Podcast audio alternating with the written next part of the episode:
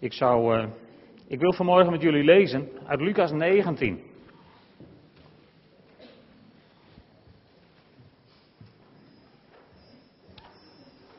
Lucas 19, vers 1 tot 10. En daarna één vers uit Exodus 4, namelijk vers 23.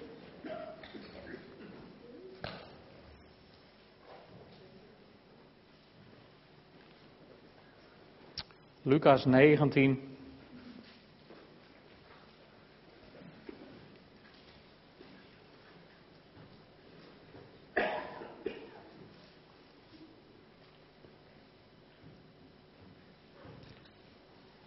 Jezus ging Jericho in en trok door de stad. Er was daar een man die Zacchaeus heette, een rijke hoofdtollenaar. Hij wilde Jezus zien om te weten te komen wat voor iemand het was, maar dat lukte hem niet vanwege de menigte, want hij was klein van stuk.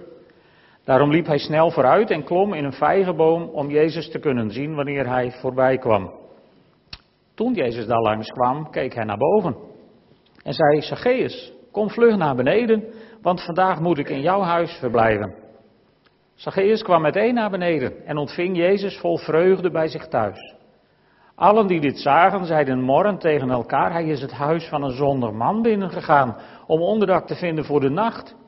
Maar Zacchaeus was gaan staan en zei tegen de Heer, kijk Heer, de helft van mijn bezitting geef ik aan de armen, en als ik iemand iets heb afgeperst, vergoed ik het viervoudig. Jezus zei tegen hem, vandaag is dit huis redding ten deel gevallen, want ook hij is een zoon van Abraham. De mensenzoon is gekomen om te zoeken en te redden wat verloren was. En dan in Exodus 4, vers 23. Dan krijgt Mozes van God de opdracht om naar Farao toe te gaan en tegen Farao te zeggen dat Israël zijn zoon is. En dan het stukje waar het om gaat. Ik heb je bevolen mijn zoon te laten gaan om mij te vereren. Het nieuwe maandthema is hart voor de wereld. En uh, sommige mensen vinden dat God hart voor de wereld is. Maar God heeft juist hart voor de wereld. Dus het is niet hart voor de wereld met een D, maar met een T voor alle duidelijkheid. God heeft hart voor de wereld. Hij heeft de wereld namelijk zo lief dat hij zijn enige geboren zoon naar deze wereld heeft gestuurd, opdat een ieder die in hem gelooft niet verloren gaat, maar eeuwig leven zal hebben. Dus God houdt van deze wereld. En als je leeft uit de bron, het thema waar we dit seizoen mee bezig zijn, dan ga je in je hart voelen wat God voelt voor deze wereld. En dat is vaak anders dan wat wij uit ons eigen vlees voelen voor deze wereld. En hart hebben voor de wereld is dus niet iets waar je ontzettend je best voor hoeft te doen. Je hoeft alleen maar vrijelijk te drinken uit Gods bron. En dan komt dat hart voor de wereld vanzelf. Weet je, God gaf zijn enige geboren zoon om de wereld te bevrijden uit de macht van de zonde. En dat deed hij niet om ons ongelimiteerde, ongebreidelde, eigen gekozen vrijheden daarin te laten uitbarsten. Dat was niet de bedoeling. God heeft ons namelijk niet bevrijd voor onze lol, maar voor zijn doel. Hij schiep ons om Hem te aanbidden. En daartoe bevrijdt Hij ons ook uit de gevolgen van de zonde, opdat we Hem in vrijheid kunnen dienen. Zo was het ook 68 jaar geleden. We werden bevrijd vanuit een vrede tirannie. Niet om maar gewoon in Nederland ongelimiteerd allemaal ons eigen ding te doen. We kwamen vanuit een zeer onrechtvaardige, onmenselijke regering. kwamen we onder een andere regering. We werden bevrijd van het ene gezag onder het andere gezag. We werden niet vrijgemaakt van enig gezag. Alhoewel sommige mensen dat misschien wel eens onder vrijheid verstaan. Maar dat is het niet. En ik denk dat heel veel mensen dat na de oorlog begrepen. Ook toen werd net als, als nu het volkslied gezongen. Met dat prachtige zesde couplet met die mooie zin erin dat ik toch vroom mag blijven, uw dienaar te aller stond. En dat begrepen ze heel goed. En ik heb me er van de week bijzonder over verheugd toen ik onze nieuwe koning ook deze woorden hardop mee zag zingen.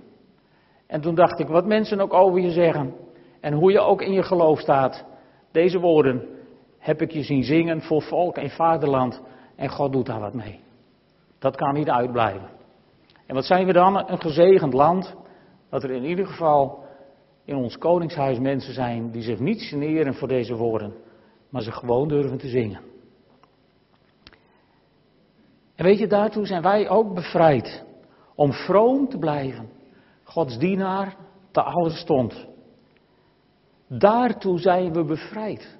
Kijk maar eens met mij even naar die tekst uit Exodus 4, vers 23. In Exodus staan ook de tien geboden. En, en als je in, uh, in een traditionele kerk bent opgegroeid zoals ik, dan, dan herinner je je dat misschien nog dat vroeger de wet werd voorgelezen. Ik ben de Heere uw God die u uit het land Egypte, uit het diensthuis geleid hebt. Dat woord diensthuis moet je heel even vasthouden. Dat staat er namelijk in de grondtekst exact zo. Het diensthuis. En uh, we hebben net dat vers gelezen. Exodus 4, vers 23. Ik heb je bevolen mijn zoon te laten gaan om mij te vereren. Maar in de NBG-vertaling, daar staat, daarom zeg ik u, laat mijn zoon gaan, opdat hij mij dienen. En daar wordt exact hetzelfde woord gebruikt als in Exodus 20, vers 2 voor diensthuis. Is geen verschil. Het, is, het ene is een zelfstandig naamwoord en het andere is het werkwoord, maar het is precies hetzelfde grondwoord. En uh, in de Naderse Bijbel, daar staat, ik zeg tot u, zend mijn zoon heen dat hij mij kan dienen. De Leidse vertaling zegt ook, opdat hij mij dienen. De herziene Statenvertaling zegt, laat mijn zoon gaan, zodat hij mij kan dienen. En dan komen we in de wat nieuwere Bijbelvertalingen, de Grootnieuwsbijbel. Laat mijn zoon vertrekken om mij te vereren. Maar een hele oude, Petrus Canisius, die zegt, laat mijn zoon gaan om mij te vereren. Het boek zegt, om mij te aanbidden. Maar Luther zegt weer, opdat hij mij dienen. En de Willibrord vertaling zegt weer, om mij te vereren. Ja, en als je dan al die andere, al die verschillende vertalingen hebt, dan ga je terug naar de grondtekst, de Frieske Bijbel. Grapje. Lid zongen dat er mij je ken. En natuurlijk ga je ook even in de grondtekst kijken en het gaat echt over dienen. Het gaat over dienen. Maar is God aanbidden niet hetzelfde als hem dienen? Ik weet niet hoe jullie taalgebruik is, maar ik denk dat er vandaag toch ook vast nog mensen zijn die, die, die zeggen, nou, we gaan naar de dienst van morgen, toch? En waarom zouden we dat een dienst noemen, denk je? Omdat God aanbidden met onze liederen, met onze gebeden, met stilstaan bij het woord, met het breken van het brood en het drinken van de wijn. Het is allemaal dienen van God en vereren van God, want we zijn geschapen om Hem te aanbidden. Dus als we Hem aanbidden, dienen we Hem.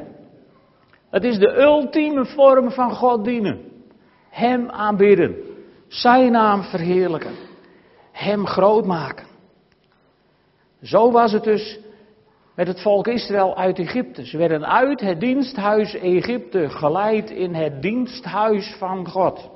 Om Hem te aanbidden. En weet je, ze werden niet uit de slavernij in Egypte bevrijd omdat ze dat verdienden. Ze werden niet bevrijd omdat ze de wet hielden. Ze kregen de wet omdat ze bevrijd waren. Pas later, in de woestijn, en toen kwam God van als jullie deze vrijheid nou echt willen koesteren en er optimaal van willen genieten, dan heb ik een paar spelregels voor jullie. En zo kregen ze de wet. Veel minder negatief dan wij vaak over die wet denken. En in het Nieuwe Testament, daar schrijft Paulus precies hetzelfde. Dat heb ik bij de opening voorgelezen uit Romeinen 6. God zij gedankt, u was slaven van de zonde, maar nu gehoorzaamt u van ganser harte de leer waarin u bent toevertrouwd. Dus niet gedwongen, maar vrijwillig, van ganser harte, met blijdschap, met vreugde. En bevrijd van de zonde hebt u zich in dienst gesteld van de gerechtigheid. Of wij zijn bij het vertalen van de Bijbel zo erin geslaagd om met nette woorden de harde waarheid gewoon te verbloemen. Onder het kleed te schoffelen. Want wat staat er in de grondtekst? Sorry dat ik daar een paar keer bij terugkom, maar daar staat van, van we zijn dus niet meer slaven van de zonde. En dan maken wij ervan, we hebben ons in dienst gesteld van Christus. Daar staat in het Grieks, wij hebben ons tot slaaf gemaakt van Christus. Dus we zijn niet meer slaaf van de zonde, we zijn slaaf van Christus. Geen werknemer die morgen kan zeggen, nou weet je wat, ik zoek een andere baas en ik doe het niet meer. Nee, we hebben ons tot slaaf gemaakt van Christus. En, en, en de slavernij is lang geleden uh, afgeschaft. En wij weten niet meer precies wat dat betekent. Maar de mensen voor wie Paulus dat schreef, die snapten dat precies. Hij schreef het aan de gemeente in Rome en de meeste mensen in Rome die deze brieven kregen, dat waren slaven in Rome. Want daar begon de kerk mee. En die snapten exact wat dat betekende. En een slaaf, een slaaf vroeg zich morgens niet af, nou, zal ik vandaag eens wel of zal ik vandaag eens niet? Ik bedoel, die had maar te gaan. En anders dan zwaaide er wat. En, en, een slaaf die dacht ook niet van, nou ja, mijn baas kan, wel, uh, kan dat wel zeggen, maar ik doe vandaag wat anders, want ik heb even geen zin. Of zo'n slaaf kon zelfs op zondagmorgen niet zeggen, sorry, ik ga naar de kerk, het is vandaag zondag. Die mensen die snapten dat. Ze waren slaaf van de zonde geweest en ze hadden zich tot slaaf van Christus gemaakt. Ze hadden zich onderworpen aan God. Dat is wat het betekent. Maar ook dat woord onderwerpen is voor ons, ja, zo'n. Zo, ja, in, in het Nederlands gebruiken we het niet eens meer, onderwerpen. Het is eigenlijk een beetje een geestelijk woord geworden. Met een geestelijk sausje eroverheen is het best wel een vriendelijk woord. Maar weet je, als, uh, als Jacobus zegt, onderwerp u aan God en verzet u tegen de duivel, dan zal hij van u wegvluchten. Dan, dan betekent dat wat het betekent. Wat is onderwerpen? Ook dat snapten die Romeinen uit die tijd precies. Ik weet niet hoe het met jullie vaderlands geschiedenis is, maar, maar jullie hebben vast wel vroeger iets geleerd over de tijd dat Nederland bestond uit grondeigenaren en lijfeigenen. Wat een lastig woord, maar dat betekende dat je lijf niet je eigen was, maar van je meester. En als je die meester tegenkwam, hoog op zijn paard, dan zei je niet, nou hoi Piet, leuk dat je er ook bent. Nee, dan wierp je jezelf in het stof der aarde en dan hoopte je maar dat die meester voor jou een goed zin had. Dat je niet van je land werd geschopt of opgehangen of onthoofd of whatever. Want die macht had hij. Je onderwerpen betekent je met huid en haar, met je hele hebben en houden, met je hele leven overgeven aan iemand die boven je gesteld is. Dus als Jacobus aan de mensen schreef, onderwerp u aan God, wisten ze precies wat dat bedoelde. En wij, eigenwijze Westerlingen, snappen dat volgens mij meestal gewoon niet meer. Want ach, je kunt daar een heel leuk geestelijk betekenisje aan geven en de rest van de week mooi je eigen gaan gaan. Je onderwerpen aan God betekent luisteren naar de meester. En, en, en lezen in het boek van de meester, zijn aanwijzingen zoeken je laat dan leiden door de geest van de meester en je daaraan onderwerpen doen wat God je zegt. Wauw. Een hele lastige. En het is net als met het volk Egypte. Zij werden niet bevrijd omdat ze de wet hielden. En weet je, wij zijn niet van slaaf van de zonde geworden tot slaaf van Christus, omdat wij het nou zo geweldig deden. Maar omdat Jezus naar deze wereld kwam en voor ons stierf aan het kruis op Golgotha. Wij zijn gekocht en betaald met het dierbare bloed van de Zoon van God. En dat vieren we straks als we avondmaal vieren. En omdat we gekocht zijn, zijn we niet meer van onszelf. Wij zijn namelijk verkocht. Ik weet niet hoe het met jou is, maar toen ik echt Jezus ontmoette en Hem echt leerde kennen, toen was ik verkocht. Toen was er geen reden meer aan. Dat zijn wij. Verkocht, of niet? Ik hoop het tenminste. En anders is er vandaag de gelegenheid om je te verkopen. aan Jezus wel te verstaan. Niet aan mij of een open thuis. Wij zijn helemaal niet belangrijk. Maar je kunt je verkopen aan Jezus. Met huid en haar. En dan zul je merken wat het is om van de, van de zonde bevrijd te zijn en in dienst te komen van God. Wat een enorm voorrecht. Weet je, en de volgende is zo. Toen Jezus in Matthäus 28, vers 19 tegen zijn discipelen de zendingsopdracht gaf, toen zei hij: Ga dan heen, maak alle volken tot mijn discipelen. Daar begon het mee. Hè? Wij, wij denken dat voordat je discipel bent, dat je, dat je alle geboden al moet kennen en dat je alles al moet onderhouden en dat je helemaal volmaakt bent. En dan, als je het heel goed doet, dan krijg je je discipeldiploma. Op een of andere manier zijn we in die dwaalleer terechtgekomen. Maar, maar discipel word je niet doordat je afstudeert als discipel of je diploma krijgt. Discipel word je omdat je ja zegt tegen Jezus. Het allereerste begin in je leven met Jezus maakt je discipel. En dan is eigenlijk de tweede stap dat je zegt, wauw. Zo geeft Jezus het hier ook aan. Nadat je discipel bent geworden, word je gedoopt in de naam van de Vader en de Zoon en de Heilige Geest. Dat feest gaan we volgende week beleven. Ik zie Rinze inmiddels ook zitten. Geweldig. Is er ook bij. Volgende week gaan we dat feest beleven. En uh, je wordt dus ook geen discipel doordat je gedoopt wordt. Je wordt gedoopt omdat je discipel geworden bent. Omdat je ooit die keuze hebt gemaakt. Ja gezegd tegen Jezus. Dus volgende week gaan we dat doen. En dan komt het leert onderhouden al wat ik u bevolen heb. Waarom zei Jezus dat er nou achteraan? Hè? Waarom liet hij het nou niet gewoon leuk, hup, lekker discipel worden, even dopen, afdrogen, klaar. Nee, maar dan zegt hij, dan, moet je eigenlijk, dan, moet, dan wil ik dat je onderhoudt wat ik je bevolen heb, wat ik je geleerd heb en wat ik je leer door mijn Heilige Geest in je hart. En waarom? Om discipel te blijven. Want als je discipel wordt, treed je toe tot het geestelijke slagveld om zielen. En als je je houdt aan de regels van God, dan blijf je discipel. Dan onderwerp je je aan God. Dan verzet je je tegen de duivel, want je onderhoudt wat Jezus je bevolen heeft. En dan zal de duivel van je vluchten. Hé, hey, wauw. Dus dan leef je in vrijheid. Dan is het echt bevrijdingsdag geworden. Vrij ben je dan. Vrijgekocht door het hoogste goed. En dan kun je echt zingen, ik ben zo blij, want Jezus redde mij. Halleluja. En, en, en als je dan vrij bent, en je van je vrijheid bewust bent, en je hebt onderworpen aan Jezus, dan krijg je net als God hart voor de wereld. En dan, dan, dan zou je ook de rest van de wereld het wel, wel, wel ja, wel tussen hun oren willen pompen. Hoe belangrijk het is om discipel van Jezus te worden. Maar goed, je kunt het mensen niet opdringen. Je kunt het mensen hooguit een keer zeggen en voorleven. En dan komt het op hun keuzes aan.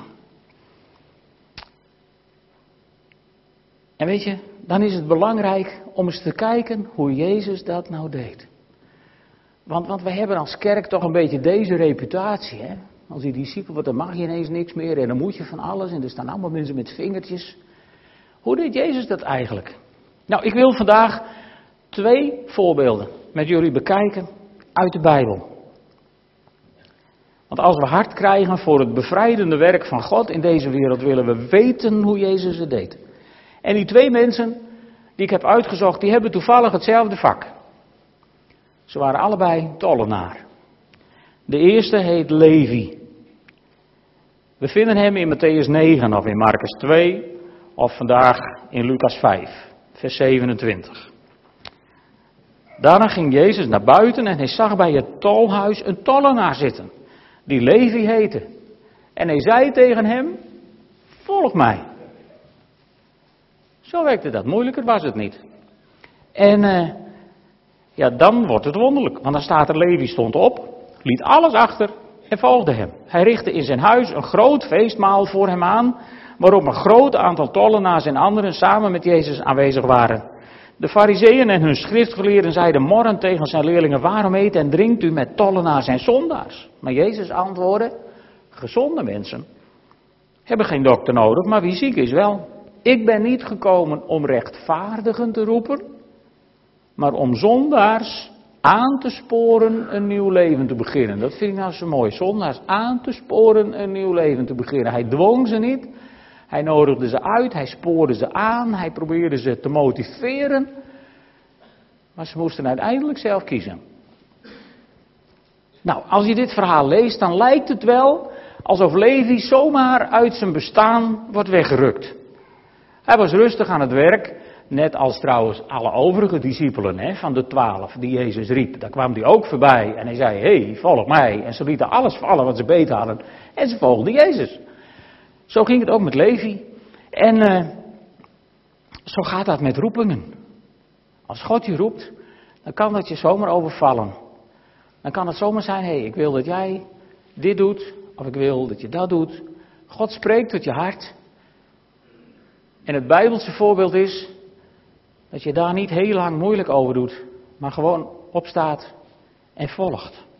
Doet wat Jezus je zegt. En Levi, ook wel Matthäus genoemd, zal later zelfs een van de evangeliën schrijven. Dus het had ook nog grote gevolgen voor hem. En bovendien volgde die Jezus niet stiekem in het geheim, maar hij nodigde al zijn vrienden uit, al zijn collega's, al zijn mensen die ook Jezus niet kenden en misschien wel helemaal er niks van mochten weten. En misschien waren daar op het feest wel lui die dachten van nou die Levi is gek, heb hier een goede baan bij de belasting en je gaat zomaar hup achter Jezus aan. Maar het interesseerde hem allemaal niks. Hij nodigde ze allemaal uit en zodoende waren ze allemaal bij Jezus. Alleen de kerk moppert. Dat is wel vaker zo. En onze tweede tollenaar, die heet Zacchaeus. Zijn verhaal hebben we net gelezen. Zacchaeus heeft een inwendig verlangen om Jezus te zien. Maar de gelovigen staan hem hopeloos in de weg. En dat was niet alleen toen. Wij gelovigen kunnen er wat van. Om nieuwbekeerden te verhinderen Jezus te zien. Zo was het ook toen. En niemand wilde hem even voorlaten, want hij was immers fout. Hij werkte met, met de vijand samen, toch? Hij was toch collaborateur. Die liet je er toch niet voor om even te zien. En tenslotte klimt hij maar in een boom. En uitgerekend onder die boom blijft Jezus stilstaan. En hij kijkt omhoog en hij zegt: Hé hey Zacchaeus, kom uit je boom. Wonderlijk dat Jezus hem zag. Nou, Jezus had hem al lang gezien. Jezus had namelijk dat inwendige verlangen in zijn hart had hij geproefd. Met zijn inwendige zondaardetector had hij al lang gemerkt dat er wat moest gebeuren. En vandaag de dag, lieve mensen, staan er heel veel bomen op het kerkelijk erf. Bomen van traditie. En je hebt die, ik weet het beter, bomen. En je hebt uh, die gekwetste trotsbomen. En je hebt die bomen van die druk, druk, druk, druk, drukbomen heb je tegenwoordig ook in de kerk staan. En in al die bomen zitten mensen. Met diep in hun hart het gevoel van eigenlijk zou ik dichter bij Jezus willen zijn. En zou ik hem, zou ik hem beter willen kennen. In al die bomen zitten mensen met nood. En Jezus zag de nood van Zacchaeus. En Jezus reageerde op de nood van Zacchaeus. En hij zei, Zacchaeus, kom uit je boom.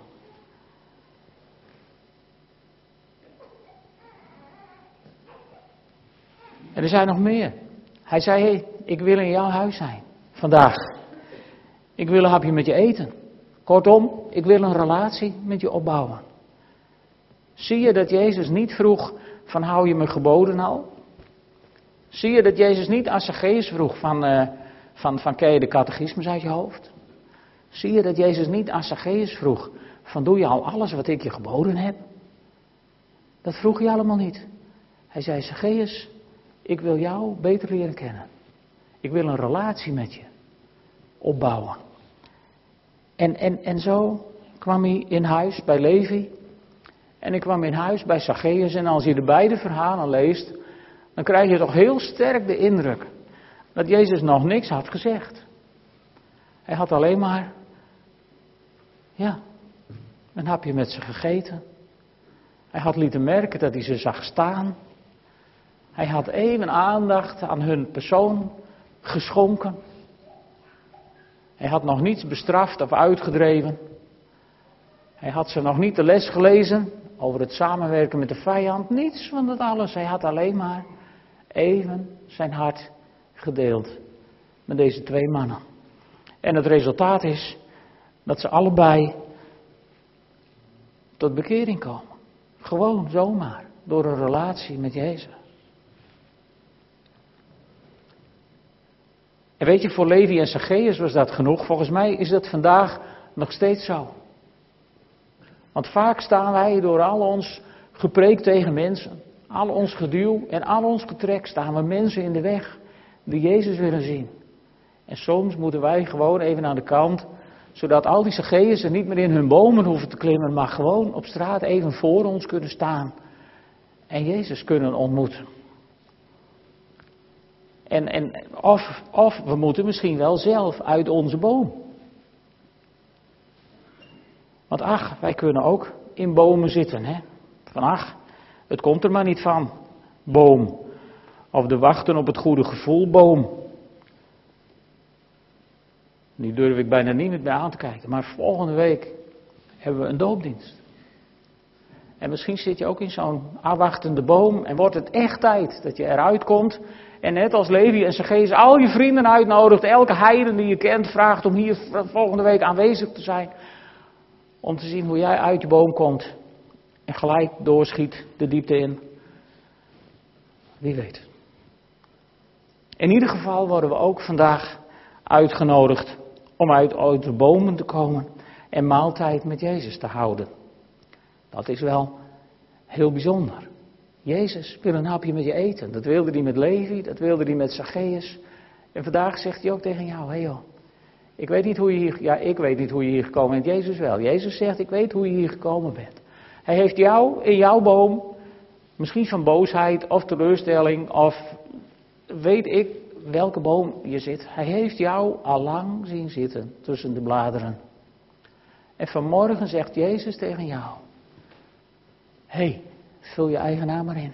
Hé, hey, kom eens naar beneden. Kom eens uit je boom. Want ik wil vandaag maaltijd met je houden. Ik wil een hapje met je eten. En dan zul je merken hoe levensveranderend dat is.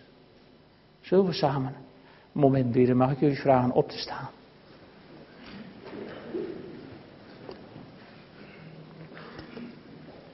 Vader God, wat kunnen wij soms ongelooflijk in onze bomen zitten. En ach heren, wat, wat zitten we soms snel in de hoogste boom om niks. Heren, dat, dat beleiden we voor u. En ik dank u wel voor uw genade dat u onder de boom stopt waar ik zit. En dat u niet verwijtend omhoog kijkt van wat moet je daar. Maar dat u heel liefdevol ook naar mij hebt gekeken. En nog steeds kijkt, alweer kijkt. En zo uitnodigend zegt zoals u alleen dat kunt. Hé joh, kom uit je boom. Kom naar beneden. Laten wij vandaag samen maaltijd houden. Heere God, ik dank u daarvoor. Ik dank u voor die geweldige uitnodiging. En ik dank u wel dat u die maaltijd al gereed hebt gemaakt. Dat u hebt gezorgd voor brood en wijn. En dat u dat voor ons hebt ingesteld, zodat we die maaltijd met u mogen vieren. En heren, in diepe dankbaarheid en in groot ontzag wil ik u danken voor uw bevrijding. En in diepe dankbaarheid wil ik zo uw zegen uitspreken over dit brood en over de wijn in de naam van de Vader, in de naam van de Zoon en in de naam van de Heilige Geest. Amen. U mag gaan zitten. We gaan avondmaal vieren.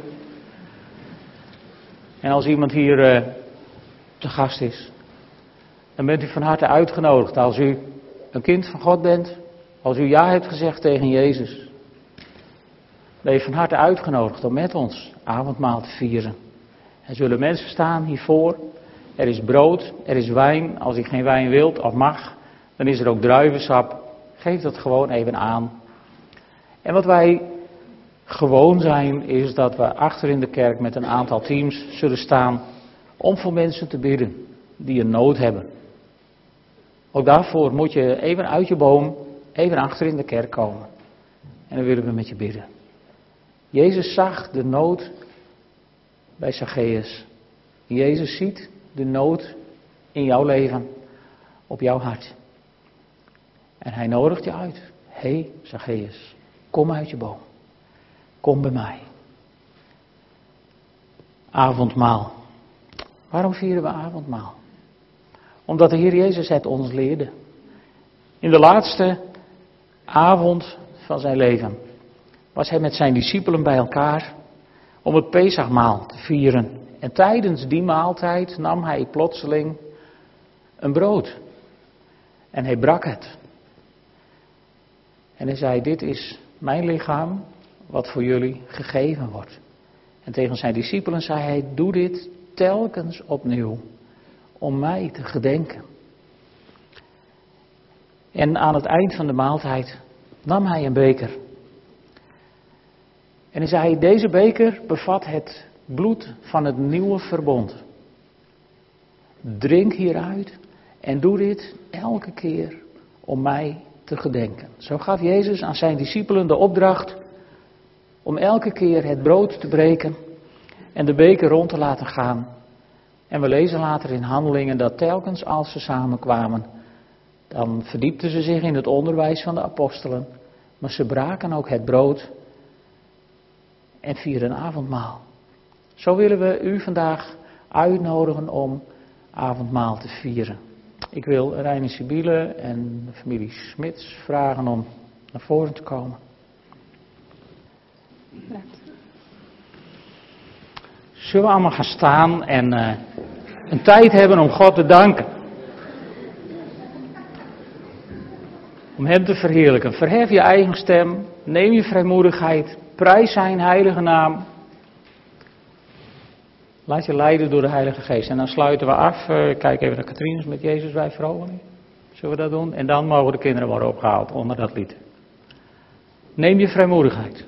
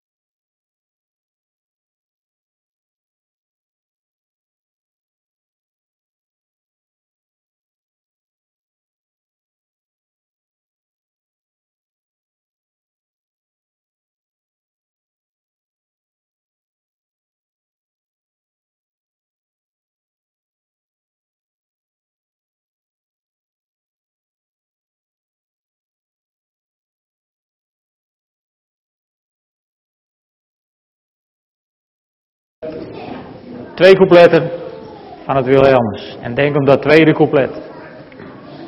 En daarna drinken we koffie. Vader God, dank u wel dat we vandaag mogen vieren dat we bevrijd zijn uit de Tweede Wereldoorlog. Maar dat we ook bevrijd zijn uit de macht van de zonde. En heren, hoe we het ook wenden of keren, beide bevrijdingen zijn ongelooflijk duur betaald. Heren, dank u wel voor die vrijheid waarin we mogen leven. En leer ons om in die vrijheid te leven, onderhoudende al wat u ons geboden hebt. Ik dank u wel dat we zo ook deze nieuwe week in vrijheid in mogen onder uw zegen. Lieve mensen, de Heere zegent u en hij behoedt u. De Heere verheft zijn aangezicht over u en hij is u genadig.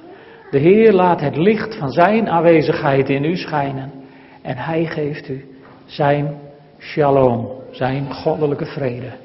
Amen.